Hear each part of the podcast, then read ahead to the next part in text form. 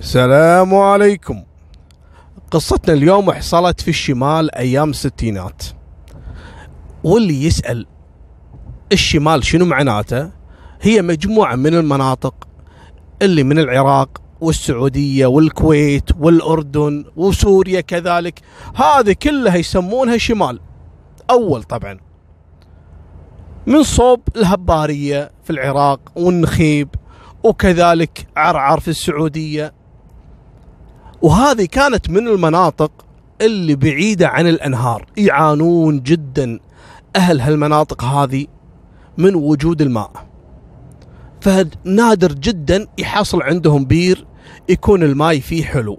العادة يطلع لهم ماي اللي هو ماي الهماج أو الماي اللي نصه مالح ونصه حلو لكنه ما ينفع للاستهلاك الآدمي فقط لسقي الأرض.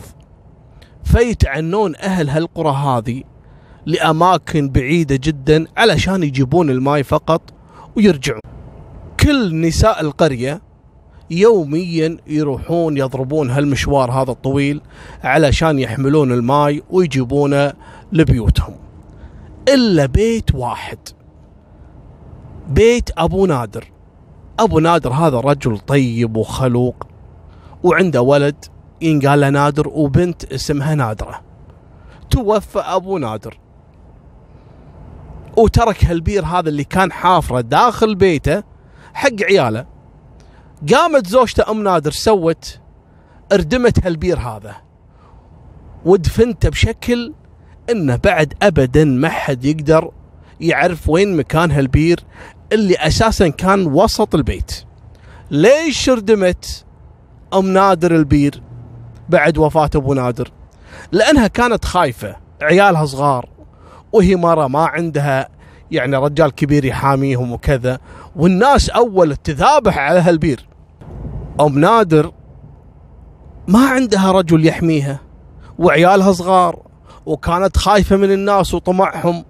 فقالت أنهي هالبير هذا واردمه علشان باكر ما أخسر بيتي بسبة الناس.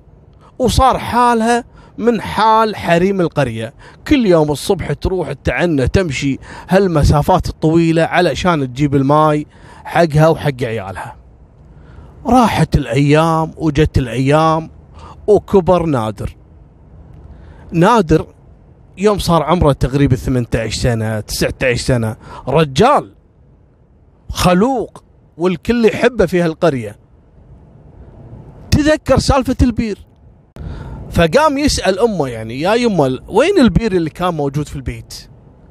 ليش ردمتيه فقالت له الحقيقة قالت له يا نادر أنتم كنتم صغار وأنا مرة وحيدة والناس يعني رايحة رادة على هالبير باكر يطمعون وتعرف الناس تذابح على الماي فأنا خفت أني أخسر البيت صراحة فردمته ورضيت على نفسي التعب والمشقة وإني أجيب الماي من مكان بعيد ولا إني أخسر بيتي وأخسر عيالي. فقال له لا يا يمه اللي سويتيه هذا غلط. أنا راح أحفر البير وأتوكل على الله. قالت له يا يبا الله يخليك ترى البير هذا ما يجيب لنا إلا المشاكل. خلنا بعيد وإحنا ناس ما نبي شر وما نبي مشاكل. قال لا يمه لا. أنا إلا أحفر البير هذا. صدقيني أنا راح أتصرف وأنا رجال الحين صرت كبير يا يمه وأنا أتحمل مسؤولية. قالت له يبا توكل على الله. والله يستر. وفعلا قام نادر يحفر هالبير في حوش البيت. وهو بيتهم كبير لكن الحوش يعتبر جزء من البيت. قام يحفر يحفر يحفر واستعان بأصدقائه وجو يحفرون معاه. وصل الكلام حتى حق أهل القرية ورجاجيل القرية كذلك قاموا يساعدونه لأنهم كلهم راح يستفيدون إنه يكون في بير عندهم في قريتهم ولا إنهم يروحون بعيد. والكل كان يخاف يحفر البير هذا لأنه في العادة يطلع لهم ماي هماج ماي ما منه فايدة مو حق الشرب. لكن نادر يدري بقصة البير القديم اللي كان موجود داخل بيتهم. مالكم بالطويلة فعلا نادر حفر حفرة كبيرة جدا في البير إلى أن تفجرت الماي وما شاء الله طلع ماي عذب يتدفق من كل صوب. قام سوا له نفس السلم الحلزوني علشان الناس تقدر تنزل وتغرف من هالماي.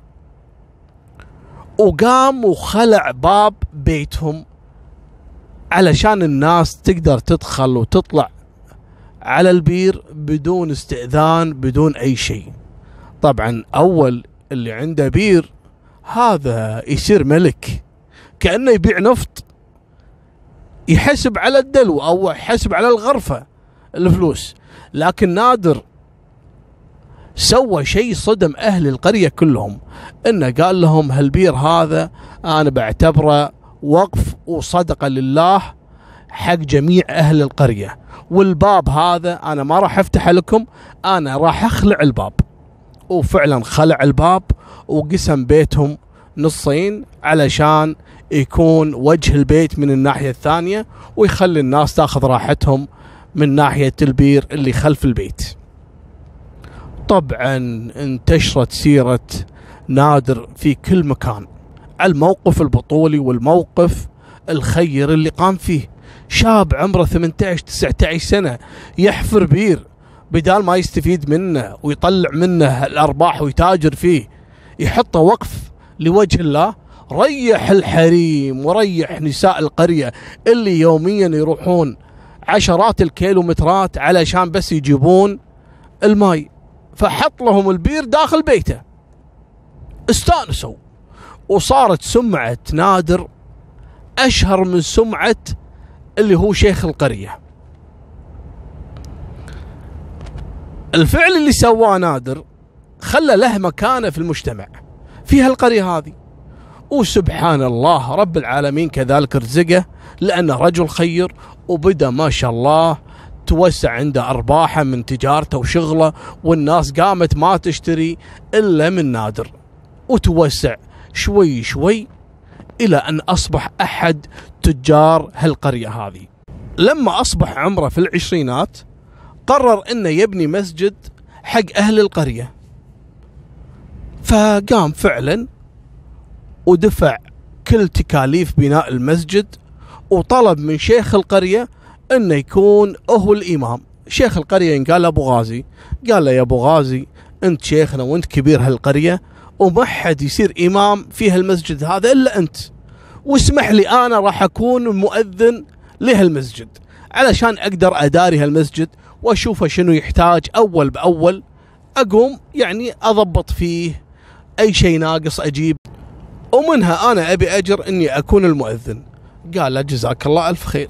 وفعلا ما شاء الله الناس قامت ما لها سيرة إلا نادر. نادر اللي حط بير مجانا حق أهل القرية. وكذلك بنى لهم مسجد. وما شاء الله تجارته توسعت والخير يجيه من رب العالمين. ويقرر بعدين نادر إنه يبني مدرسة. أهل القرية هني قالوا لا لا لا هذا نادر فعلا نادر الوجود. شاب في بداية حياته قوم قرية كاملة اللي رجاجيلها وشيوخها أول ما قدروا يسووا لها شيء. وهذا ولد شباب يعرف شنو احتياجات هالقرية وينفذها على طول ومن حر ماله يعني ولد فعلا لا إله إلا الله عليه. الكل قام يحب نادر. فيوم من الأيام انبسط منه شيخ القرية اللي هو بوغازي فسوى عشاء كبير وعزم فيه نادر وعزم أهل القرية وشيوخها كلهم وقال لهم ترى هذا العشاء على شرف ولدنا نادر. نادر وأبوه أبو نادر الله يرحمه رجل خير وولده هذا كفو وسوى كذا وسوى كذا البير والمسجد والحين يبي يبني مدرسة. فقعد يشاور أبو غازي نادر. قال له اسمع يا نادر أنت جزاك الله خير. ما قصرت صراحة. ودام إنك تبي تبني مدرسة فأنا راح أتبرع معاك. النص بالنص بكون معاك شريك في الخير. قال له جزاك الله ألف خير. بالعكس خلنا نبني مدرسة على مستوى على قولتهم. قال له بس شوف أبي منك طلب. أنا بعطيك الفلوس لكن لا تقول ليش أنا أعطيتك الفلوس. علشان أنا أبي هالعمل هذا اللي هو بناء المدرسة يكون لوجه الله وما أبي أحد يعرف. قال حاضر بالعكس وجزاك الله ألف خير. فعلا قام الشيخ وقدام الناس والحضور وطلع هالربطة الفلوس وسلمها حق نادر. الناس تشوف. عرفوا قالوا أكيد إنه في بينهم يعني اتفاق أو شراكة أو شيء. مالكم بالطويلة قام أبو غازي وقال حق الناس تفضلوا على العشاء وكل تعشى وتوكلوا على الله وراحوا بيوتهم. رجع نادر لبيتهم. شافته أمه وتسلم عليه وقال له يا يمه ترى الحمد لله الكل يشكر والكل يدعي لك ويدعي لنا كلنا على البير. وعلى المسجد. والحمد لله الحين إن شاء الله شغالين بنسوي المدرسة. المهم شوي وتقعد تبكي. أم نادر. قال يا يمه ليش تبكين يعني؟ قالت والله يا يبا أنا ما أحب أمنع الخير ابدا والله. لكن في أمور بهالدنيا هذه واحد ما يكون فيها طيب زيادة عن اللزوم. أنا والله خايفة إن هذا البير بيجيب لنا البلاوي والمشاكل. قال لها يما ليش بالعكس؟ ساعدنا الناس وك قالت أنا عارفة بس أنا خايفة يعني أنا قلبي مو مرتاح. قال لها يما اطمئني وأنا رجال وإن شاء الله إني قد المسؤولية ولا تخافين. قالت توكل على الله يا يبا. المهم كالعادة نادر يأذن في المسجد فيروح حق صلاة الفجر قبل الأذان الأول. يأذن أذان الأول ويقعد فترة شوي ويأذن لهم الأذان الثاني. ذاك اليوم الناس كلها سمعت نادر وهو يأذن الأذان الأول. لكن لما جاء موعد أذان الصلاة الثاني ما أذن. تأخر شوي. الناس استغربت. انتظروا شوي انتظروا شوي. ادخلوا المصلين ودخل وراهم الإمام. يبي يشوفون ليش تأخر نادر ما أذن الأذان الثاني. ولا هذا نادر طايح داخل المسجد ومذبوح من الوريد إلى الوريد. صارت ضجة والناس زعلت عليه والمصلين في أحد يذبح ولد في هالأخلاق هذه. لا ومؤذن المسجد كذلك. وصلاة الفجر في شيء غلط. منو اللي تجرأ؟ ذبح نادر هالطيب هذا. وصل الخبر إلى أم نادر. طبعا القرية كلها زعلت عليه. لكن أول ما درت أم نادر قعدت تبكي وتصرخ.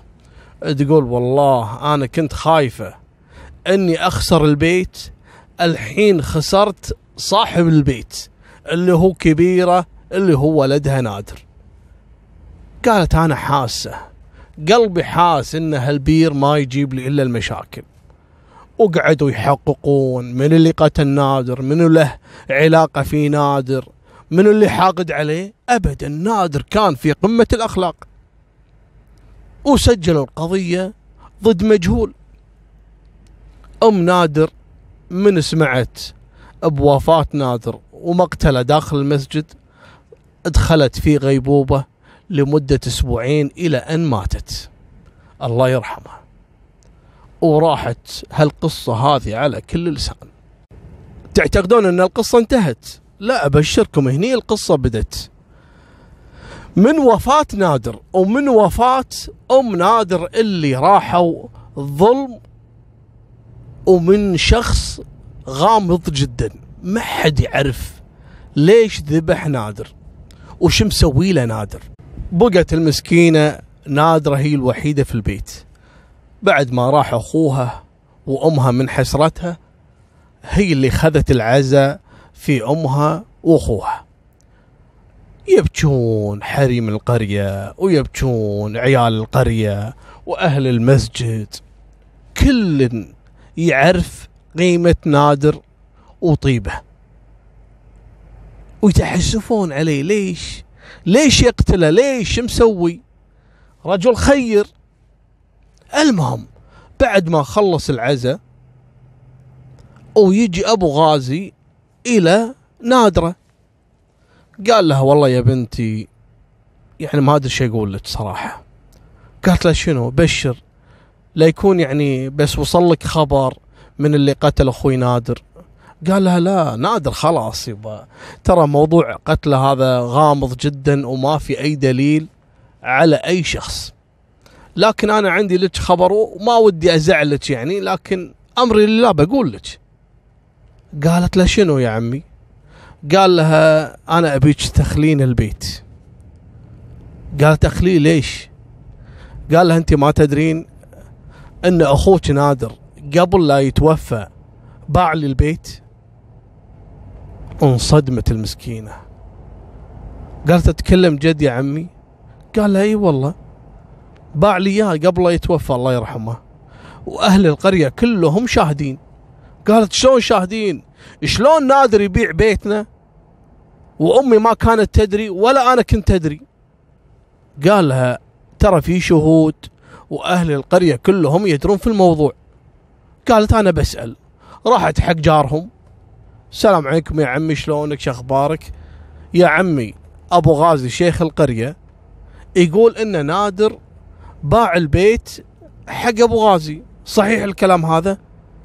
قال والله أنا ما أدري موضوع البيع لكن فعلا بالعشاء اللي سواه أبو غازي حق نادر من كم يوم يعني قبل وفاته سلم أبو غازي مبلغ من المال حق نادر وكلنا شفنا وشهدنا على الموضوع. لكن إحنا ما سألنا شنو الموضوع يعني شنو قصة هالفلوس. المهم راح جاب لها أبو غازي كم واحد وقالوا كذلك إي نعم ترى أخوك باع البيت على أبو غازي وأبو غازي سلم الفلوس قدام الناس كلها. فهذا البيت ترى حلال أبو غازي ولا تظلمينه. البنت قالت حسبي الله ونعم الوكيل. وتركت البيت وراحت تسكن مع خوالها في أحد المدن. خلاص ما في أمل. راح البيت حق أبو غازي. زين أبو غازي هذا شنو قصته؟ شيخ المسجد وشيخ هالقرية ورجل خايف الله. طلع أبو غازي مسوي الفيلم هذا كله أيام ما قال لهم تعالوا على العشاء. وسلم الفلوس حق نادر. وقال له يا نادر لا تقول حق أحد. شنو سبب الفلوس اللي بعطيك إياها؟ كان يوهم الناس إن هذه الفلوس كانت مقابل شراء البيت. لكن بالحقيقة إنه هو قايل حق نادر إن هذا تبرع مني للمشاركة في بناء المدرسة. يعني طلع أبو غازي هذا في قمة الحقارة وكان حاط عينه على البيت من زمان. اذا أبو غازي مشترك في الجريمة. أكيد له يد في جريمة القتل فعلا. أبو غازي كان له يد في مقتل نادر داخل المسجد. اسمعوا السالفة. نادرة راحت سكنت عند خوالها. ونادر ونادرة كانوا أصلا من أول عيال القرية اللي كملوا دراستهم. فلما راحت عند خوالها استكملت دراستها إلى أن وصلت للجامعة وتفوقت بدراستها إلى أن تخرجت. طبعا أهل القرية كلهم كانوا حاسين أن نادر مات ظلم وإن أبو غازي ورا الموضوع. لكن ما حد قادر يتكلم وأبو غازي شيخ القرية ومسوي نفسه إنه هو الدين هو الملتزم فاستبعد الموضوع. وكذلك التحقيق في الموضوع هذا ما أسفر على أي دليل أو أي متهم. فالناس سكتت. لكن كلهم كانوا حاسين إن نادر هذا المظلوم له حوبة ممكن إن تصيب أهل القرية كلها لأنهم ما فزعوا له ولا حد دافع عنه. وبالفعل يوم من الأيام وتكلم واحدة من الحريم اللي كانت رايحة للبير. تحلف تقول أنا شايفة نادر واقف داخل البير. الناس قامت تخاف. وسوالف قامت تنتشر ولا وعشر حريم ثانيين غيرها أكدوا نفس الكلام. قالوا إي نعم ذاك اليوم مرينا البير اللي هو بير نادر ولقينا نادر الميت داخل البير يصرخ.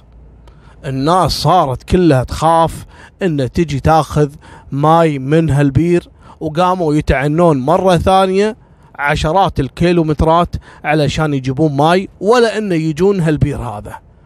خايفين منه. حوبة الولد المسكين اللي مات مظلوم. المهم راحت الأيام وجت الأيام. نادرة بعد ما طلعت من القرية وراحت عند خوالها في المدينة كملت دراستها. وما شاء الله شوي شوي ودخلت الجامعة وصارت متفوقة وبعد ما تخرجت رجعت مرة ثانية إلى القرية. يوم جت القرية ولا البير اللي كان في بيتهم رادمينه والناس تطورت. خلاص ما قامت تهتم في موضوع البير ما البير. يعني الحياة صارت غير. مو نفس الستينات يعني. أبو غازي بعد مرحلة نادرة وراحت انشغلت بهالدنيا. قام وسيطر على المدينة والقرية بالكامل وقام وحط باب على البير اللي خلع بابه نادر الله يرحمه وقام يبيع الماي بيع لهم. الناس كلها انصدمت إن هذا أبو غازي شلون يعني خذ البير وشلون سيطر عليه وقبل كان مجاني الماي الحين حط عليه باب وحارس ويخلي الناس تدفع واللي ما يدفع يروح يتعنى يروح آخر الديرة علشان يجيب له ماي. المهم اقتنى أبو غازي وصار من أغنى أهل القرية هذه. لا وتطورت معاه الأيام مع السنين وبينزل انتخابات وصارت تعرفون يعني وبعد ما عدينا السبعينات والثمانينات بوغازي صار ما حد يكلمه صاحب سلطة وينزل انتخابات ومن هالأمور وحالته فوق النخل. وأهل القرية يتحسفون على أيام الولد نادر الله يرحمه. لكن من يتكلم ومن يقول شنو حقيقة قصة نادر؟ أبدا ما حد يتكلم. طبعا أبو غازي عنده حاشية وكان ايده اليمين واحد ينقال له قاسم. قاسم هذا اللي ينفذ كل جرايم أبو غازي. وهو اللي داري عليه. وهو اللي يدير أموره. أبرجع لكم على قصة مقتل نادر داخل المسجد. نادر بعد ما قام من العشاء اللي سواه أبو غازي وعطاه فلوس قدام الناس راح البيت. فالتقى منه التقى بأخته نادرة. قالت له شنو الفلوس هذه يا نادر؟ قال لها هذه الفلوس أعطاني إياها أبو غازي شيخ القرية علشان يشاركني في بناء المدرسة للناس كلها. لكني استغربت منه إنه طلب مني إني ما أذكر لأحد شنو سالفة الفلوس وليش أعطاني إياها. المهم بعد مقتل نادر وجاء أبو غازي حق نادرة قال لها هذا البيت لي وأنا شريته والناس شافت وأنا أعطيه فلوس. لا وفوق هذا موقع نادر مبصمة على ورقة بيع. استغربت. لكنها عرفت إن أبو غازي هذا هو ورا مقتل أخوها وإن الفلوس اللي يدعي إنها مقابل شراء البيت نادر قبل لا يتوفى قال لها إنها هذه لفلوس بناء المدرسة. فعرفت القصة. لكن شو تقول؟ كانت وحيدة أمها توفت من الحسرة ونادر توفى وأبوها أصلا تركهم متوفي من زمان. وراحت تكمل دراستها. بعد ما تخرجت من الجامعة رجعت للقرية. وسمعت عن بوغازي إن هذا صار من كبار القرية وإنه صار يرشح نفسه للانتخابات. فقامت وزارت أبو غازي. شلونك عمي أبو غازي؟ أهلا. نادرة أنت وين؟ شخبارك يا بنت الغالي يا أخت الغالي وكذا. والله للحين أتذكر نادرة الله يرحمها وأتذكر أبوك وأمك المسكينة اللي ماتت من حسرتها. المهم من هالأمور. قالت لا أنا والله سمعت إن أنت تنزل انتخابات وكذا وأنا ترى توني متخرجة من الجامعة وأتمنى إني أدعمك يعني. قال لها بالعكس. لكن بغازي خايف من هالبنت. هذه أخت المقتول. المهم قامت تشتغل معاه في الانتخابات وتأيده وتجمع الناس وتحثهم إنه يصوتون حق أبو غازي. أبو غازي في البداية قال هذه شكلها تخطط على شيء أو إنها عرفت إني أنا لي علاقة في مقتل أخوها وتبي تنتقم. المهم ما أعطاها الأمان. وكان اللي يحرص عليه دائما اللي هو قاسم إيده اليمين يقول له يا أبو غازي ترى نادرة هذه أخت نادر اللي أنت ذبحت أخوها وذبحت امها من الحسرة. شلون تخليها تشتغل معاك و24 ساعة جاية عندك والناس تشوفها معاك وكذا تدعمك أخاف إنه باكر تبلينا بلوى. قال لا لا لا لا خلها بس إحنا نكون حذرين معاها. يمكن ما تدري البنت. قال لا ما يخالف خليك حريص. وفعلا اشتغلت معاه أول سنة ثاني سنة بدأ الرجال يثق فيها. البنت لا تطلب شيء ولا تبي شيء وكل ما سألها أبو غازي يعني من باب يعني المجاملة بينه وبينها وكذا يسألها يقول لها يعني أنا والله ماني عارف انت تدعميني ليش يعني؟ في الانتخابات وانت ما ما تطلبين ما تبين شيء يعني. قالت لا بالعكس انت شيخ القرية وانت حسبة أبوي وأنا أحبك وانت من ريحة أهلي والبيت اللي عندك هذا كان بيتنا. يعني ذكريات كبيرة جدا بيني وبينك. لذلك أنا دعمتك. يعني أنا ما بشيء الحمد لله أموري طيبة وأنا موظفة كذلك. يعني وماشيه الأمور الحمد لله. فسكت. قال أجربها. مع الأيام يبين. شوي شوي السنة الثالثة السنة الرابعة الرجال قال لا لا مستحيل هذه تدري إن أنا ورا مقتل أخوها وتشتغل معي صار لها أربع سنوات ولا عمري شكيت فيها. وقام كل ما يجي له قاسم ايده اليمين ويحرضه على نادره يرفض أبو غازي كلامه. يقول له لا حرام عليك. أنت بديت تظلم البنت البنت صار لها أربع سنوات تشتغل معانا وتدعمنا وهي سبب كبير في نجاحي في الانتخابات. ابدا أنا ما شفت عليها شيء. ليش تكرهني في البنت؟ ترى البنت يمكن ما تدري عن شيء لكن أنت عندك أوهام وخايف علشان كذي أنت تعتقد أن البنت يعني تخطط على شيء. قال أنا متأكد من هالكلام. يا أبو غازي أرجوك.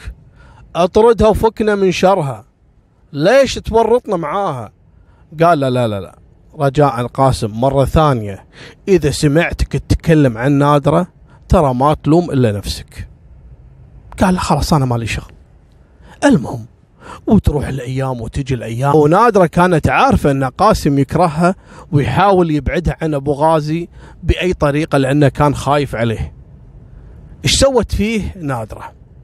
يوم من الأيام جالها قاسم وقام يهددها ويقول لها شوفي والله إذا سمعت ولا حسيت بيوم من الأيام إنك تفكرين تضرين أبو غازي والله لاذبحك أنت فهمتي ولا لا؟ توقعون إيش قالت له نادرة؟ قالت له يا قاسم تبي أقول لك شيء أصدمك؟ قال له شنو؟ قالت له أنت تدري ليش أشتغل أنا مع أبو غازي؟ وليش صار لي أربع سنوات حتى فلس ما أخذت منه؟ قال لها والله أنا أتمنى إني أعرف ليش. قالت لأني أبي أكون قريبة منك لأني أنا بصراحة أحبك ومعجبة فيك وما أبي أكون بعيدة فتعمدت إني أشتغل مع أبو غازي علشان أكون قريبة منك أنت وممكن إنك تلتفت ولا تنتبه على قاسم انصدم قال نادرة البنت الجميلة الجامعية المتعلمة الكل يتمناها. تبيني أنا؟ قالت له إي نعم. كنت أتمنى إنك تنتبه على نظراتي وعلى حركاتي وعلى وجودي دائما مع أبو غازي علشان أكون جنبك أنت. شوية الرجال انصدم. وقام يفكر ويتذكر اللحظات والمواقف. قال إي والله. أنا صدق إني كنت يعني مثل الأعمى اللي ما حسيت. لكن كنت مستبعد يعني إنك أنت يعني تطالعين بواحد مثلي. قالت له بالعكس أنت أصلا من أكبر أهل القرية وأنت الإيد اليمنى حق بوغازي وما حد يرد لك كلمة. فأنا أتمنى إن أتزوج واحد مثلك. رجل يستر علي. قال لها والله بيني وبينك أنا ودي أقول لك شيء. أنا كنت حاقد عليك وكنت أحرض بوغازي علشان كنت أنا يعني أغار لما أشوفك قريبة منه وكنت أعتقد أنك تحبينه. قالت لا أنا ما أحب إلا أنت. إذا أنت موافق طبعا. قال لها إلا موافق ونص بعد. لكن أنا بتأكد من كلامك. قالت لا أنا ما عندي مشكلة. قال لها أبيك تثبتي لي انك تحبيني فعلا. قالت له حاضر. الاثبات اللي تبيه أنا انفذ لك قال لها ابيك تتركين الشغل مع أبو غازي. قالت له حاضر. قال لها أكيد. قالت له أكيد ومن اليوم بعد. قال له ليش مني؟ إذا تركت الشغل عند بغازي راح أجي وأتقدم لك ونتزوج على سنة الله ورسوله. قالت له ما عندي مشكلة. وفعلا تركت الشغل عند أبو غازي أول يوم ثاني يوم الرجال. أبو غازي حس إنه فاقد شيء متعود يشوف هالبنت هذه المزيونة اللي ميتة ومستذبحة علشان تشتغل وتدعمه في موضوع انتخابات. اختفت. أول يوم ثاني يوم أول أسبوع ثاني أسبوع راح طرش عليها. أرسلها أحد الأشخاص علشان يناديها. قال لها يبا يبيك أبو غازي. قالت له والله أنا صراحة ما أقدر أجي لأن خطيبي ما يرضى. رجع الشخص هذا وقال حق أبو غازي. قال له والله يا أبو غازي البنت انخطبت وخطيبها رافض إنها تشتغل معاك و... والبنت تعتذر. انجن. قال منو هذا اللي تجرأ وخطب نادرة. ليش ما كان يدري إن أنا أحبها؟ نادرة هذا اللي 24 ساعة معاي وأنا ما أدري ويخطبها وتوافق وأنا ولا حسيت بشيء. منو هالحقير هذا؟ المهم ماكم الطويلة قال والله لذبحه. قام نادى قاسم قال له تعال يا قاسم أبي منك طلب. قال له شنو؟ قال له أبيك تذبح لي خطيب نادره. قاسم انصدم قال له تكلم عن شنو؟ قال له نادره اللي كانت تشتغل معانا. أخت نادر. قال له إيش فيها؟ قال في واحد خطبها.